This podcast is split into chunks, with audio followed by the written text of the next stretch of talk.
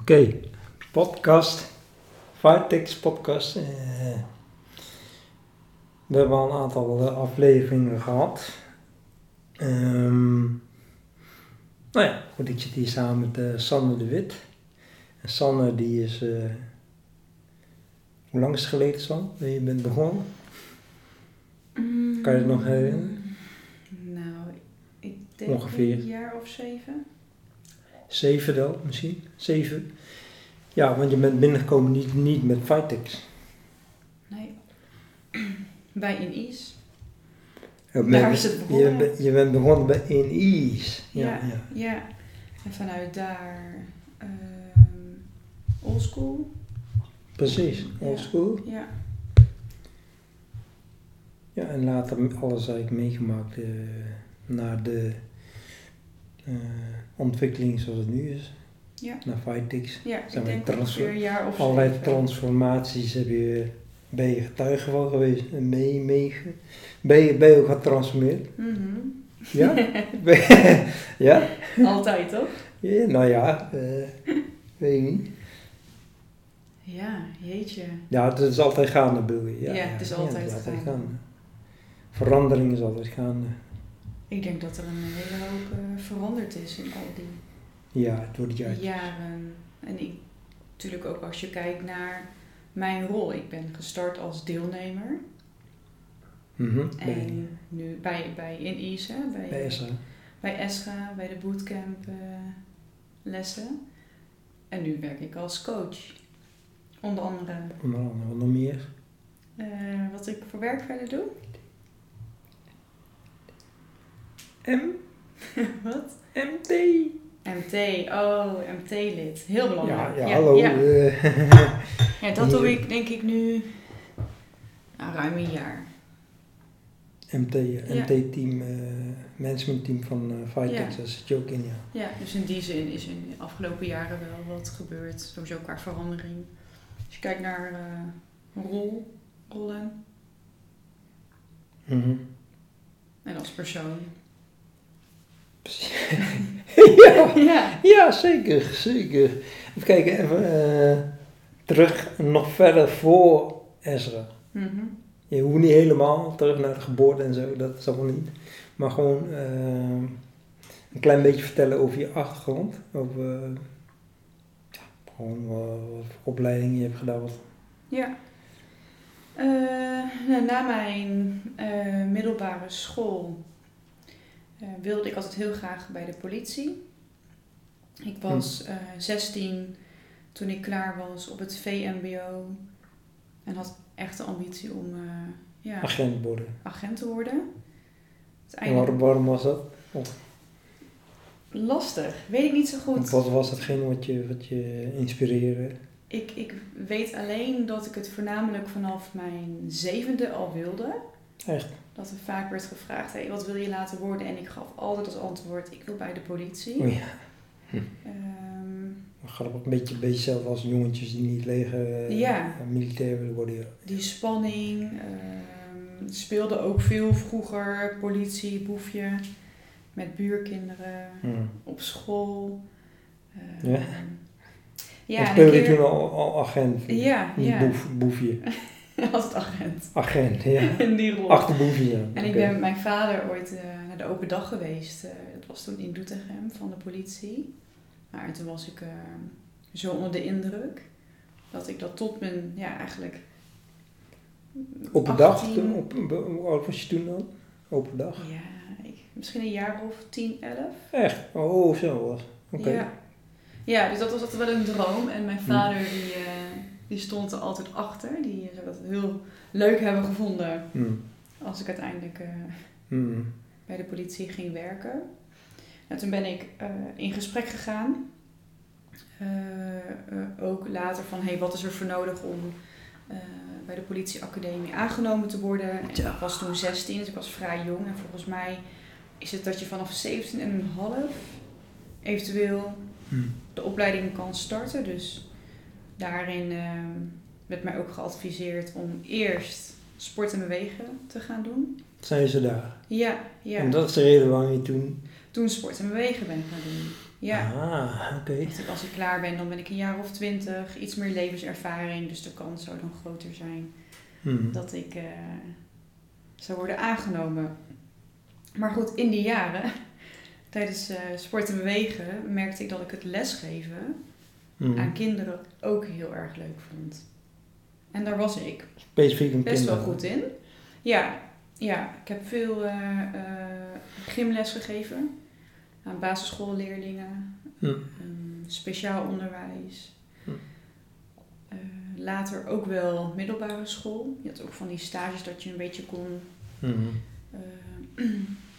oefenen of, of proberen wat je, wat je leuk zou vinden. En toen sprak mij ja, lesgeven aan middelbare scholieren ook heel erg aan. Dus de logische stap daarna was eh, om naar de ALO. Te gaan. Sportacademie, ja. Ja. En in het laatste jaar van sport en bewegen merkte ik eh, ja, dat, dat het gedrag van kinderen, eh, ook wel weet je, de problematische Kant. kinderen vanuit, ik heb ook op een speciaal onderwijsschool les gegeven, Mhm. ook op een school met veel allochtone kinderen. Dus ik merkte dat ik daar ook wel feeling mee had. Mhm. Uiteindelijk is mijn keuze dus gevallen op eh, pedagogiek. Dat ben ik in Ja. Nijmegen gaan studeren. En geen ALO. Geen ALO, wel naar de open dag geweest. maar uiteindelijk, eh, nee, toch losgelaten. En toen werd het pedagogiek. Hm. Dat heb ik vier jaar lang gedaan. Dus elke keer met de trein van Arnhem. De hand toch? De hand. Mhm. Arnhem-Nijmegen. En tijdens het derde jaar, toen wilde ik... Ik heb eigenlijk altijd al wel psycholoog ook willen worden. Dus naast het worden van eh, een agent. Ja, dat is eigenlijk ik- maar niet zo, niet ik vind het Nee. niet zo gek, al het heeft allemaal raakvlakken met elkaar. Dus. Ja, vond ik altijd onwijs interessant. En ook tijdens. Eh, de studie pedagogiek, juist die, die vakken zoals psychologie, kinderpsychologie, eh, pathologie. Mhm. Dat waren echt vakken ja, waar ik heel erg enthousiast eh, van werd. Mhm. Tijdens mijn minor kreeg ik de kans om op de Open Universiteit in Nijmegen mijn minor te doen. Daarin mocht ik zelf een pakket samenstellen. De vakken die ik leuk zou vinden om te gaan doen. Dus dat heb ik met een studiegenootje samen gedaan.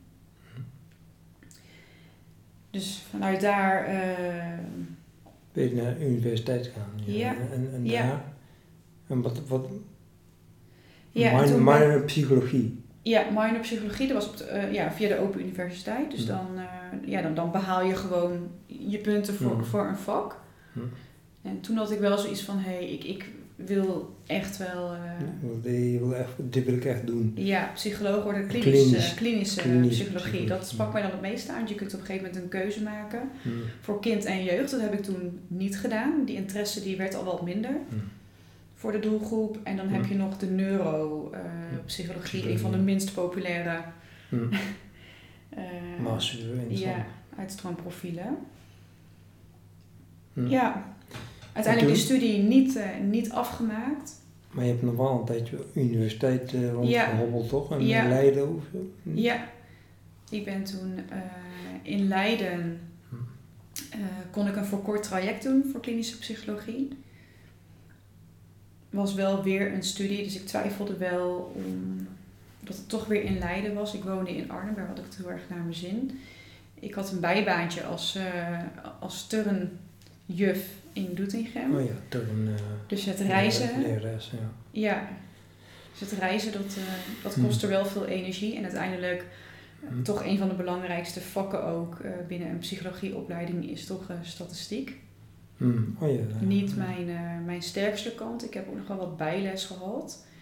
Maar als ik me achteraf zo bekijk, heb ik het, ja, ben ik best wel trots op dat ik van een VMBO naar een MBO-opleiding ging, toen naar een HBO-opleiding. Na een BO. Ja. Naar een universitaire opleiding. Ja. Eh, had ik nooit kunnen bedenken. Nee. Nee. Mooi man. Ja, Hm. dus best wel een hele weg. Ja, En toen eh Esra in Is. ja. En was dat in die periode zo? Of uh, hoe... Uh... nou, volgens mij studeerde ik toen nog. Zat ik in mijn laatste jaar. En, of ik was net werkzaam als pedagoog. Heb je dan gewerkt als pedagoog? Ja, ja het kan dat het net in die periode is geweest. Toen ik ben mijn eerste baan, echte baan, dat was als pedagoog binnen een kinderopvang hm. in Arnhem. Geen enkele ervaring met het jonge kind. Ik heb uh, veel op een babygroep gestaan. Oh, ja. Echt onwijs veel geleerd. Heel leuk gehad. Leuke tijd. En was er niet dat je ook ging bewegen? Ja, uh, ja.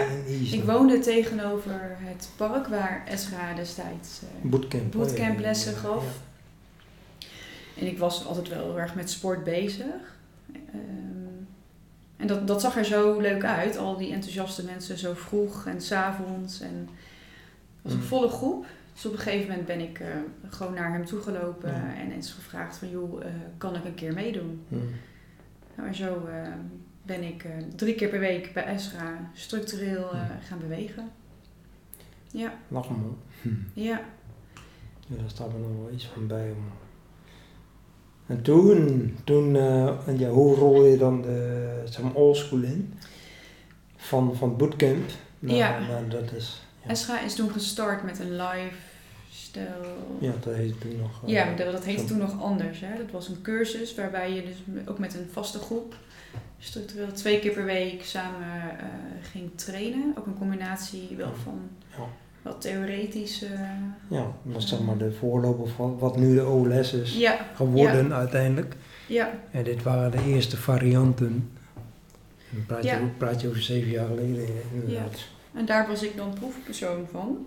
Een van de. Een van de. En nou ja, vanuit die cursus uh, hm. uh, ging ik door naar de tweede cursus en de derde cursus. En zo ontstond ook Fightex. Nou, je ging uh, de oldschool coach, de ja. life coach ja. gebeur, traject, traject ging volgen, toch? Ja. Ja, dus echt via Esra in, in aanraking gekomen met... Ja, eerst met, met, met lifestyle, zelfmanagement en toen door, mee door je achtergrond natuurlijk en je interesse uh, het coach traject in. Ja.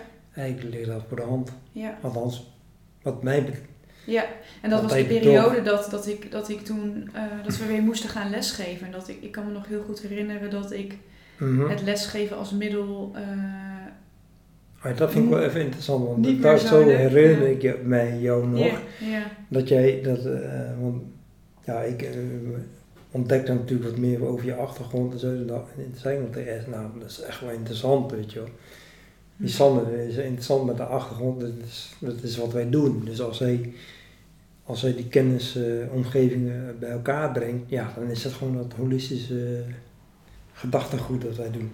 Ja. Maar in de gesprekken met jou, toen zei je echt heel expliciet, nee, ik, wil geen les geven, ik wil er niks meer. Wat was dat nou precies, hoe kwam dat? Wat, was dat, wat speelde nou eigenlijk bij? Ik heb heel veel les gegeven. Ja. En op een gegeven moment was ik er echt klaar mee. Lesboer, je bent lesboer geweest. Ja. Ja. ja. Mm -hmm. Dus dat was wel de voornaamste reden dat ik mm -hmm. uh, daar veel weerstand bij en had. zeg maar, zeg maar ik, ik, ik heb het altijd over lesgeven als middel gehad. Ja. En het onderscheid is een middel en doel. Mm -hmm. En lesgeven was echt een doel op zich geworden, ja. denk ik. Ja. Ja, ik Voor zou, mij wel. Weer een ja. lesvoorbereiding maken. Weer, uh, ja. Mm -mm. En duur even, volgens mij, eh, tot, tot je lesgeven weer als middel kon zien. Ja. Maar ja, zeker. Ja. toen je eenmaal zag, en dan zit dan, uh, ja, toen je dat er weer eenmaal zag, van ja, het is maar een middel, mm -hmm. een heel mooi middel, een heel, heel krachtig middel. Maar het moet wel even zo gezien worden. Mm -hmm. Dat zag ik een, een beetje ja, bij jou. Weet maar lesgeven als middel zien, dat, dat is iets wat bij een uh, sportopleiding ook niet nee. wordt besproken. Hè? Nee, niet op deze manier. Nee. Niet nee. zo diepgaand. Nee. Mm. Dus er zeker, zit een zeker, verschil in. zeker met je achtergrond op CIO's, CIO's Mhm. achtergrond, ja, daar is lesgeven ook wel een middel. Alleen het doel is eh, gerelateerd aan prestatie, dus Ja. sport, sportprestatie. eh. Dus er zit geen echt agogische, eh, kan nog, terwijl op de ALO wel meer. Ja. Maar ook daar is het heel beperkt. Het gaat niet zo diep als wat we hier doen, dat we echt lesgeven, les en leiding geven echt als middel zien. Mhm. Oké, en toen, ehm, nou ja, je staat ook op een van die eh, PR-filmpjes, samen met Dick, Ja. zo'n reclamefilm, promotiefilm, sorry. Ja. En daar staat, eh, wat is het thema, Sanne, van, Van, van wervelwind naar, naar, naar Boeddha. naar Boeddha. Volgens mij eh, ja, zoiets, hè? ja. Ja, jeetje. Hoe zou dat nou komen, die titel? Hm, ja. Nou, eh, Ja, ik denk dat de meeste mensen vanuit die tijd mij hebben leren kennen als iemand die heel onrustig was, eh, weinig concentreren, slechte focus, overal commentaar op had, commentaar. eh, die niet goed kon luisteren. mhm, Ik denk dat mensen mhm. mij zo eh, vanuit die tijd zo hebben leren kennen. En jezelf ook, denk ik. Herken je dat ook? Of zie je dat ook nog Ehm, van jezelf? Ja, jawel, en zeker. Ik zie wel een, een verschil terug qua gedrag. Maar ik denk dat het ook wel vaak een uiting is geweest. Of een bepaalde rol aannemen. Dus altijd grappig zijn. Mhm, Ehm, de controle willen behouden door mhm, bepaalde dingen te zeggen. Zodat mensen niet verder gaan doorvragen. mhm, Eh, juist mijn angsten niet durven zien. mhm. door een stilte te laten vallen. Ik denk dat het ook wel een rol is geweest. Mhm, Ja, mhm. Dat denk ik ook. ja. Maar we, we hebben het over rollen hè, vaak. En, eh, In feite spelen we allemaal rollen de hele dag door. En we zijn niet eh, een paar rollen, we zijn heel veel rollen aan het spelen. En Dus- daarbij natuurlijk ook eh, de oldschool omgeving, wat voor mij totaal nieuw was. Wat was er nieuw aan dat? De, de onderwerpen. De, on oh ja. De onderwerpen Ja. waren ehm, De thema's. lastig, de thema's waren lastig te begrijpen. Maar ergens voelde ik wel van hier wil ik meer van weten. Ehm, maar het is ook gewoon heel zwaar. Pittig. Ja. Ik zie, ik zie dat een beetje als een, als een eh, compliment. Ja. Waarom? Omdat, omdat veel thema's heb je na- natuurlijk al onderzocht. Mhm. Ik bedoel, je vertelt dat over psychologie, gedrag, pedagogie. Dus, dus je wist al heel veel over gedrag te vertellen. En eh, ja, veel. Dus blijkbaar is er iets inderdaad geweest wat, wat nieuw was. Mhm. anders. Dus er waren dus nog thema's waarvan je dacht van, hé, hey, dit zijn thema's die ik eigenlijk niet ken. Ja, en dat ja, houdt je geboeid. Ja. Ja, en die, die oldschool thema's, dat zijn, eh, zijn eigenlijk drie thema's. Mm.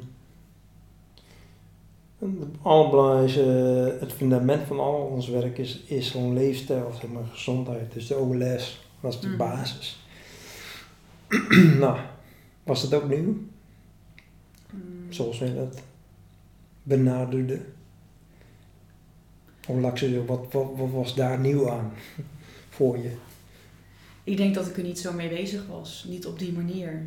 Ehm, kijk, dat, dat dingen gezond zijn of ongezond zijn, dat ehm, is wel iets wat bekend was. Maar de theorie die daarbij kwam Hmm. vanuit Paul Check, Mhm. toch weer een hele andere benadering dan wat je gewend bent. Mhm. En ik zat zo vast in mijn patronen Mhm. dat ik niet open stond om iets anders te proberen.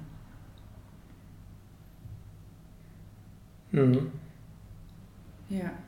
Ook omdat natuurlijk mijn voeding altijd wel een rol heeft gespeeld.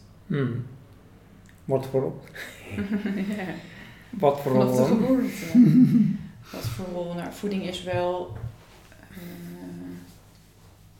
Als je het in Jippie aan dan Ja. vertellen, oké, wat, wat is wat, zonne en voeding, wat, wat, wat hebben die twee met elkaar te maken? ja, het is een beetje een haat, uh, liefdes... eh, voeding is iets waarvan ik onwijs kan genieten, waar ik heel blij van word, waar ik ook heel graag mee bezig ben. Maar voor mij ook een middel wat ik inzet om met moeilijke en pijnlijke momenten om te gaan in mijn leven, waar ik echt controle in kan zoeken. Mhm. Ja, want je, Ja. je geniet, eh, er komen heel veel happy feelings los van eten. Ja, en dat is de laatste jaren steeds meer, de bewustwording. Wat je, wat je in je mond stopt, de productie ervan, waar koop je je voeding. En dat is een Mhm. proces wat gewoon jaren heeft geduurd. Mhm. daar dacht ik voorheen niet echt over na. Wat wordt er in ons voedsel gestopt? En, Nee, nee dat, dat is wat ik bedoel. Dat is voorheen, dat is logisch denk ik ook, eh, weet je in elk geval dat voeding happy feelings Ja. teweeg brengt. Mhm. Dus ja, dus als je geen happy feelings hebt, ja, dan, dan 1 plus 1 eigenlijk simpel, ja, dan ga je daar eten. Mhm. Maar happy feelings is niet alleen maar veel eten, want mensen die veel eten, maar je kan ook de andere kant op. Ja. Niet eten. Ja. En daar weet je ook wel heel veel van. Niet Ja. eten. en, hoe gek het ook klinkt, ik, denk, ik denk dat het ook een bepaalde manier happy feelings geeft. Ja, zeker. Het is een manier eh, om te overleven, om om te gaan met het leven. En of dat nou is Hoe, hoe of dan, je gaat overeten of minder gaat eten. Hoe, hoe moeten wij dat zien dan, overleven? En, eh, en dan Eh, niet, niet eten. niet, niet goed voor jezelf zorgen, omdat je Mhm. eh, vindt dat je het niet hebt verdiend. Ehm, emoties die je niet, liever niet wil voelen. Is dat vergelijkbaar met, eh met zelfkastijding of zo? Of self-punishment? Ja, soms wel. Dacht Mhm. heel erg van, oh, voedsel moet je verdienen. Hm. Als ik dit heb gedaan, dan kan ik dat wel eten. Hm. Ehm, maar ook het stukje je, je goed voelen. Dus ergens goed in zijn. Mhm. Ik ben altijd best wel onzeker geweest. Mhm. Had altijd het gevoel dat ik eh, faal, tekortschiet. Mhm. Ehm, en als het me dan lukt, als het mij dan lukte om maaltijden over te slaan, met als gevolg het afvallen, dat, daar ben ik dus blijkbaar goed in. Ja. En zelfs dan, als je aan het afvallen bent, kun je nog denken, ik ben hierin dus ook niet goed genoeg. En dan ga je maar door. Het is ook een soort van verslaving, hè? Mhm. Eh, dat stofje, want je kunt je echt oprecht heel goed voelen. Mhm. En dat is voor een buitenstaande moeilijk Te bevatten. te bevatten. Van hoe kun je En jezelf dan, dat aandoen? Hoezo haal jij hier een Ja. goed gevoel uit? Ja. Dat is wel dat stukje verslaving wat erin zit.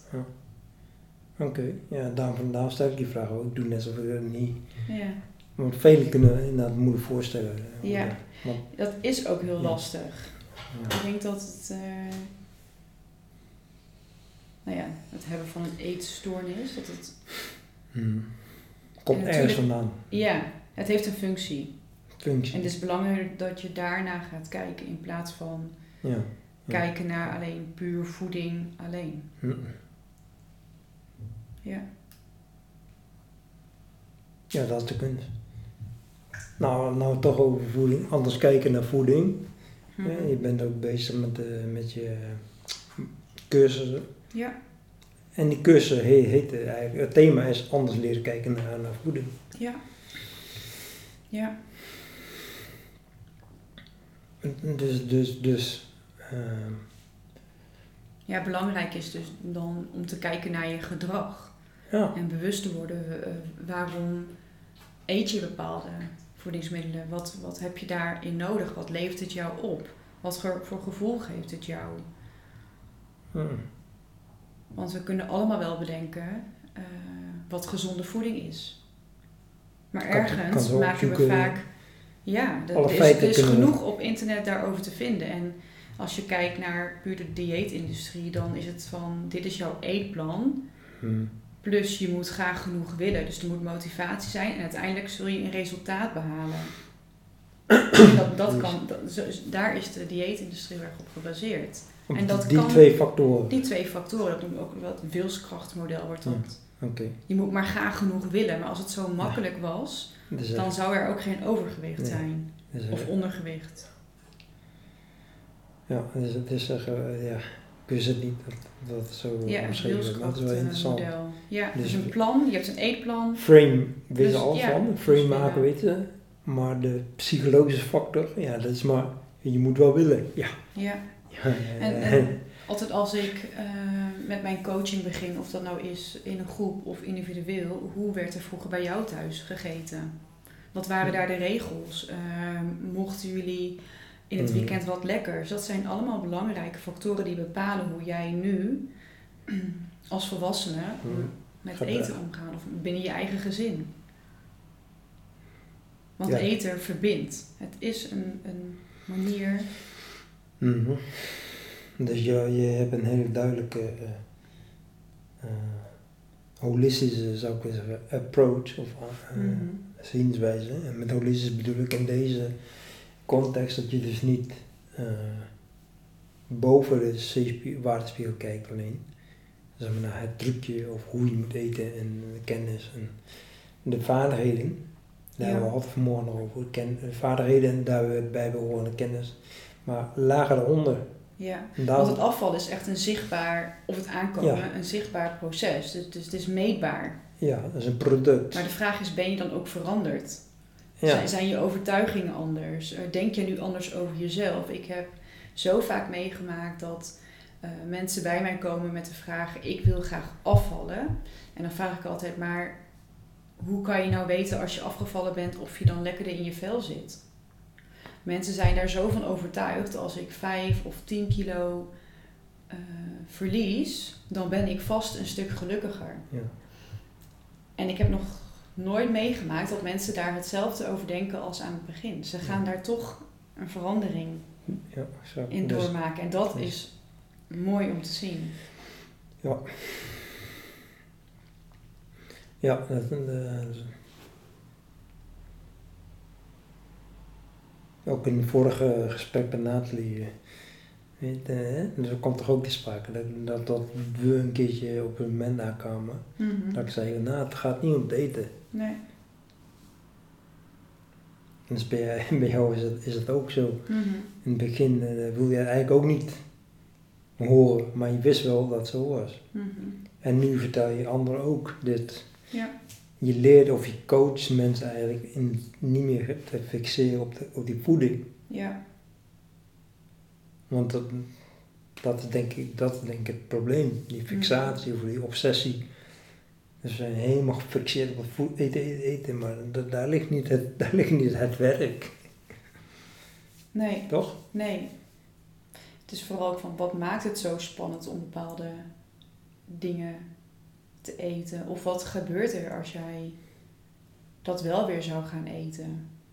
Dat is echt die Ja. laag daaronder in Ja. plaats van wat Ja. heb jij vandaag gegeten en eh, je bent zoveel aangekomen of zoveel afgevallen.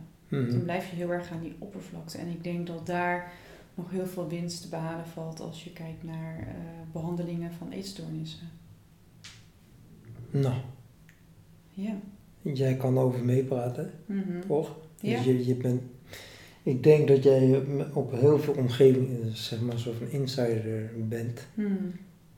Je hebt ja, allerlei programma's en Ja, veel, eh, therapieën, Therapieën programma's gehad. heb je ondergaan. eh. ja, ook wel veel verschillende soort therapieën. Hm. Kun je daar iets over vertellen? Of wil je iets? Ja, ik heb eh, ehm, toen ik jonger was, begin twintig, eh, psychotherapie eh, gehad. Hm. Ik heb daarna ehm, nog een ACT, ACT. ja, Acceptance Hm. Commitment Therapy. Het is ook een vrij nieuwe eh, vorm van cognitieve gedragstherapie, maar meer Hm. gericht op mindfulness. Hm. Dus is iets wat je de laatste jaren wel eh, wat meer hoort. Daar gaat het heel erg om ehm, van, van waar wil je, dat, waar, wil je, ehm, waar wil je het over hebben in je leven? Wat is voor jou belangrijk? Welke waarden? Ja. En wanneer je daar de aandacht op richt, dan wordt het eten eh, vanzelf beter. Dat is heel Ja. erg de gedachte daarachter. Dus de, hoe ik het zelf zo heb ervaren. Mhm. Als je kijkt naar eh, de reguliere GGZ, ik heb ook een behandeling gehad, eh, vooral de cognitieve gedragstherapie, dan draai je het andersom. Dan is het eerst het, het aankomen belangrijk, dus dat je een gezond gewicht hebt en een Ja. Redelijk normaal voedingspatroon. En daarna kun je het pas hebben over wat is nou belangrijk in je leven en wat zit daaronder. Ja. Dus het staat, ze hebben wel wel, wel dingen die, die eh, Ja, wat- wat die je- vergelijkbaar zijn, maar ook een verschil. En dat heeft wel, en wat bij je past, dat is heel persoonlijk. Hm. Ehm, ik weet niet of ik, of ik het een beter vind dan het ander. Ik denk dat het ook voornamelijk te maken heeft met wat voor fase, in welke fase jij Mhm. zit van eh, je eigen proces. Ik, ik, begrijp als iemand een, een, nou ja, een heel laag BMI heeft. En ik heb zelf ervaren, ehm, als je gewicht gaat zakken, dat je, echt, dat je brein echt minder goed werkt. Ja, Dus de informatie, functies worden minder- je functies worden echt slechter. Dus in die zin eh, dan snap ik wel dat ze zeggen Mhm. eerst wat stabieler en dan pas aan eh, de overige naar onderliggende problematiek werken. Ik denk juist dat het, als ik nu naar mijn werk kijk als coach, die, alles samenvoegen. Dus een beetje Ja. van dat en een beetje van dat. Ik denk dat dat veel meer eh, bij mij zou passen. En dan denk ik ook dat je echt holistisch werkt. Want je hebt niet een vast protocol en zo werkt het. Elke persoon is weer anders. En als het een niet werkt, dan moet je gaan zoeken van hé, hey, wat werkt dan wel voor jou? Mhm. Dus ik ben over ja, beide wel tevreden. Of, ja, Ja, precies. Je hebt een over... Ja, ja, ja jouw, jouw rugzak is gewoon goed gevuld, zeg maar. ja. En dan kun je dus... Kun je dus, dus- en dat, dat is ook wat wij... eh, ja.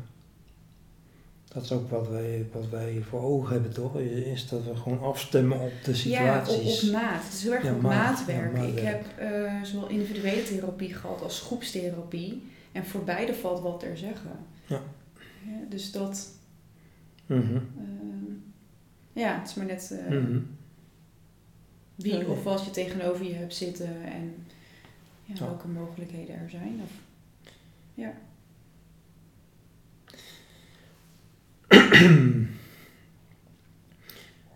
Je geeft ook eh, krachttraining, hè?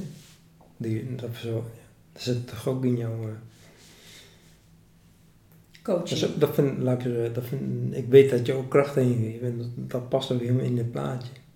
Mhm. Weer, eh, Hoe vind je het erin passen? nou, omdat, omdat eh, je, je, ge- je geeft wat de situatie vraagt. Ja, Waar de ja. situatie om vraagt, daar anticipeer je op. En dat vind, dat vind ik wel eh, een, belangrijk, een belangrijke kwaliteit, zeg maar, als coach. Mhm. Dat is wat ik bedoel. Dus, dus, hè?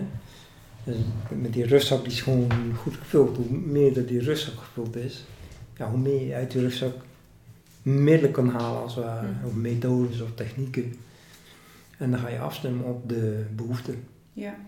ja, dat stukje ervaringsdeskundigheid is gewoon heel mooi om in te zetten. Ja. Dat, maar ook, de, dat zie ik ook bij jou, is eh,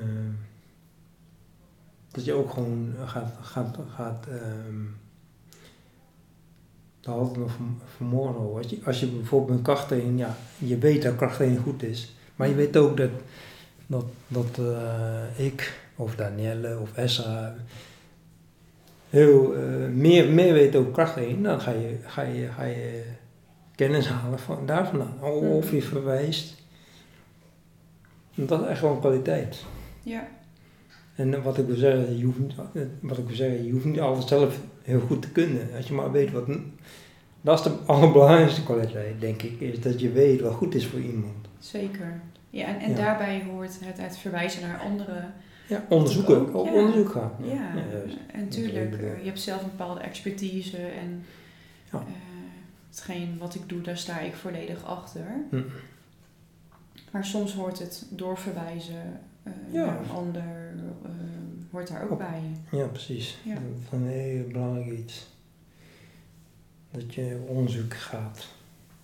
En dan nog is, eh, want het, is, het staat nooit vast wat, wat, wat het beste is. Het staat eigenlijk nooit vast. Ja. Dat hoor ik ook een beetje in jouw, eh, in jouw ervaring, zeg maar. Is heel erg onderzoeken. Onderzoeken, want je kan, je kan niet zeggen, dit is, dit is de beste. en Nee, het is echt ervaren en die persoon die moet dat ook echt zelf gaan Ja. ervaren. ja, Ja. En het zelf gaan doen, hè. Dat is... eh, ja. ja, en bijstellen waar nodig. Mm. Oké, nou, dankjewel eh voor het gesprek.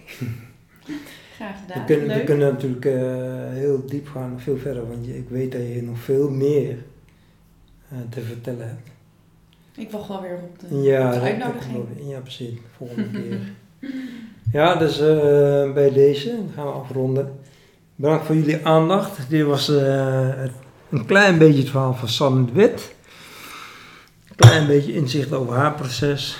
Dan heb je, voor de mensen die haar niet kennen, dan hebben jullie een beter beeld van Sanne. Ehm, Oké, dat was hij. Doei.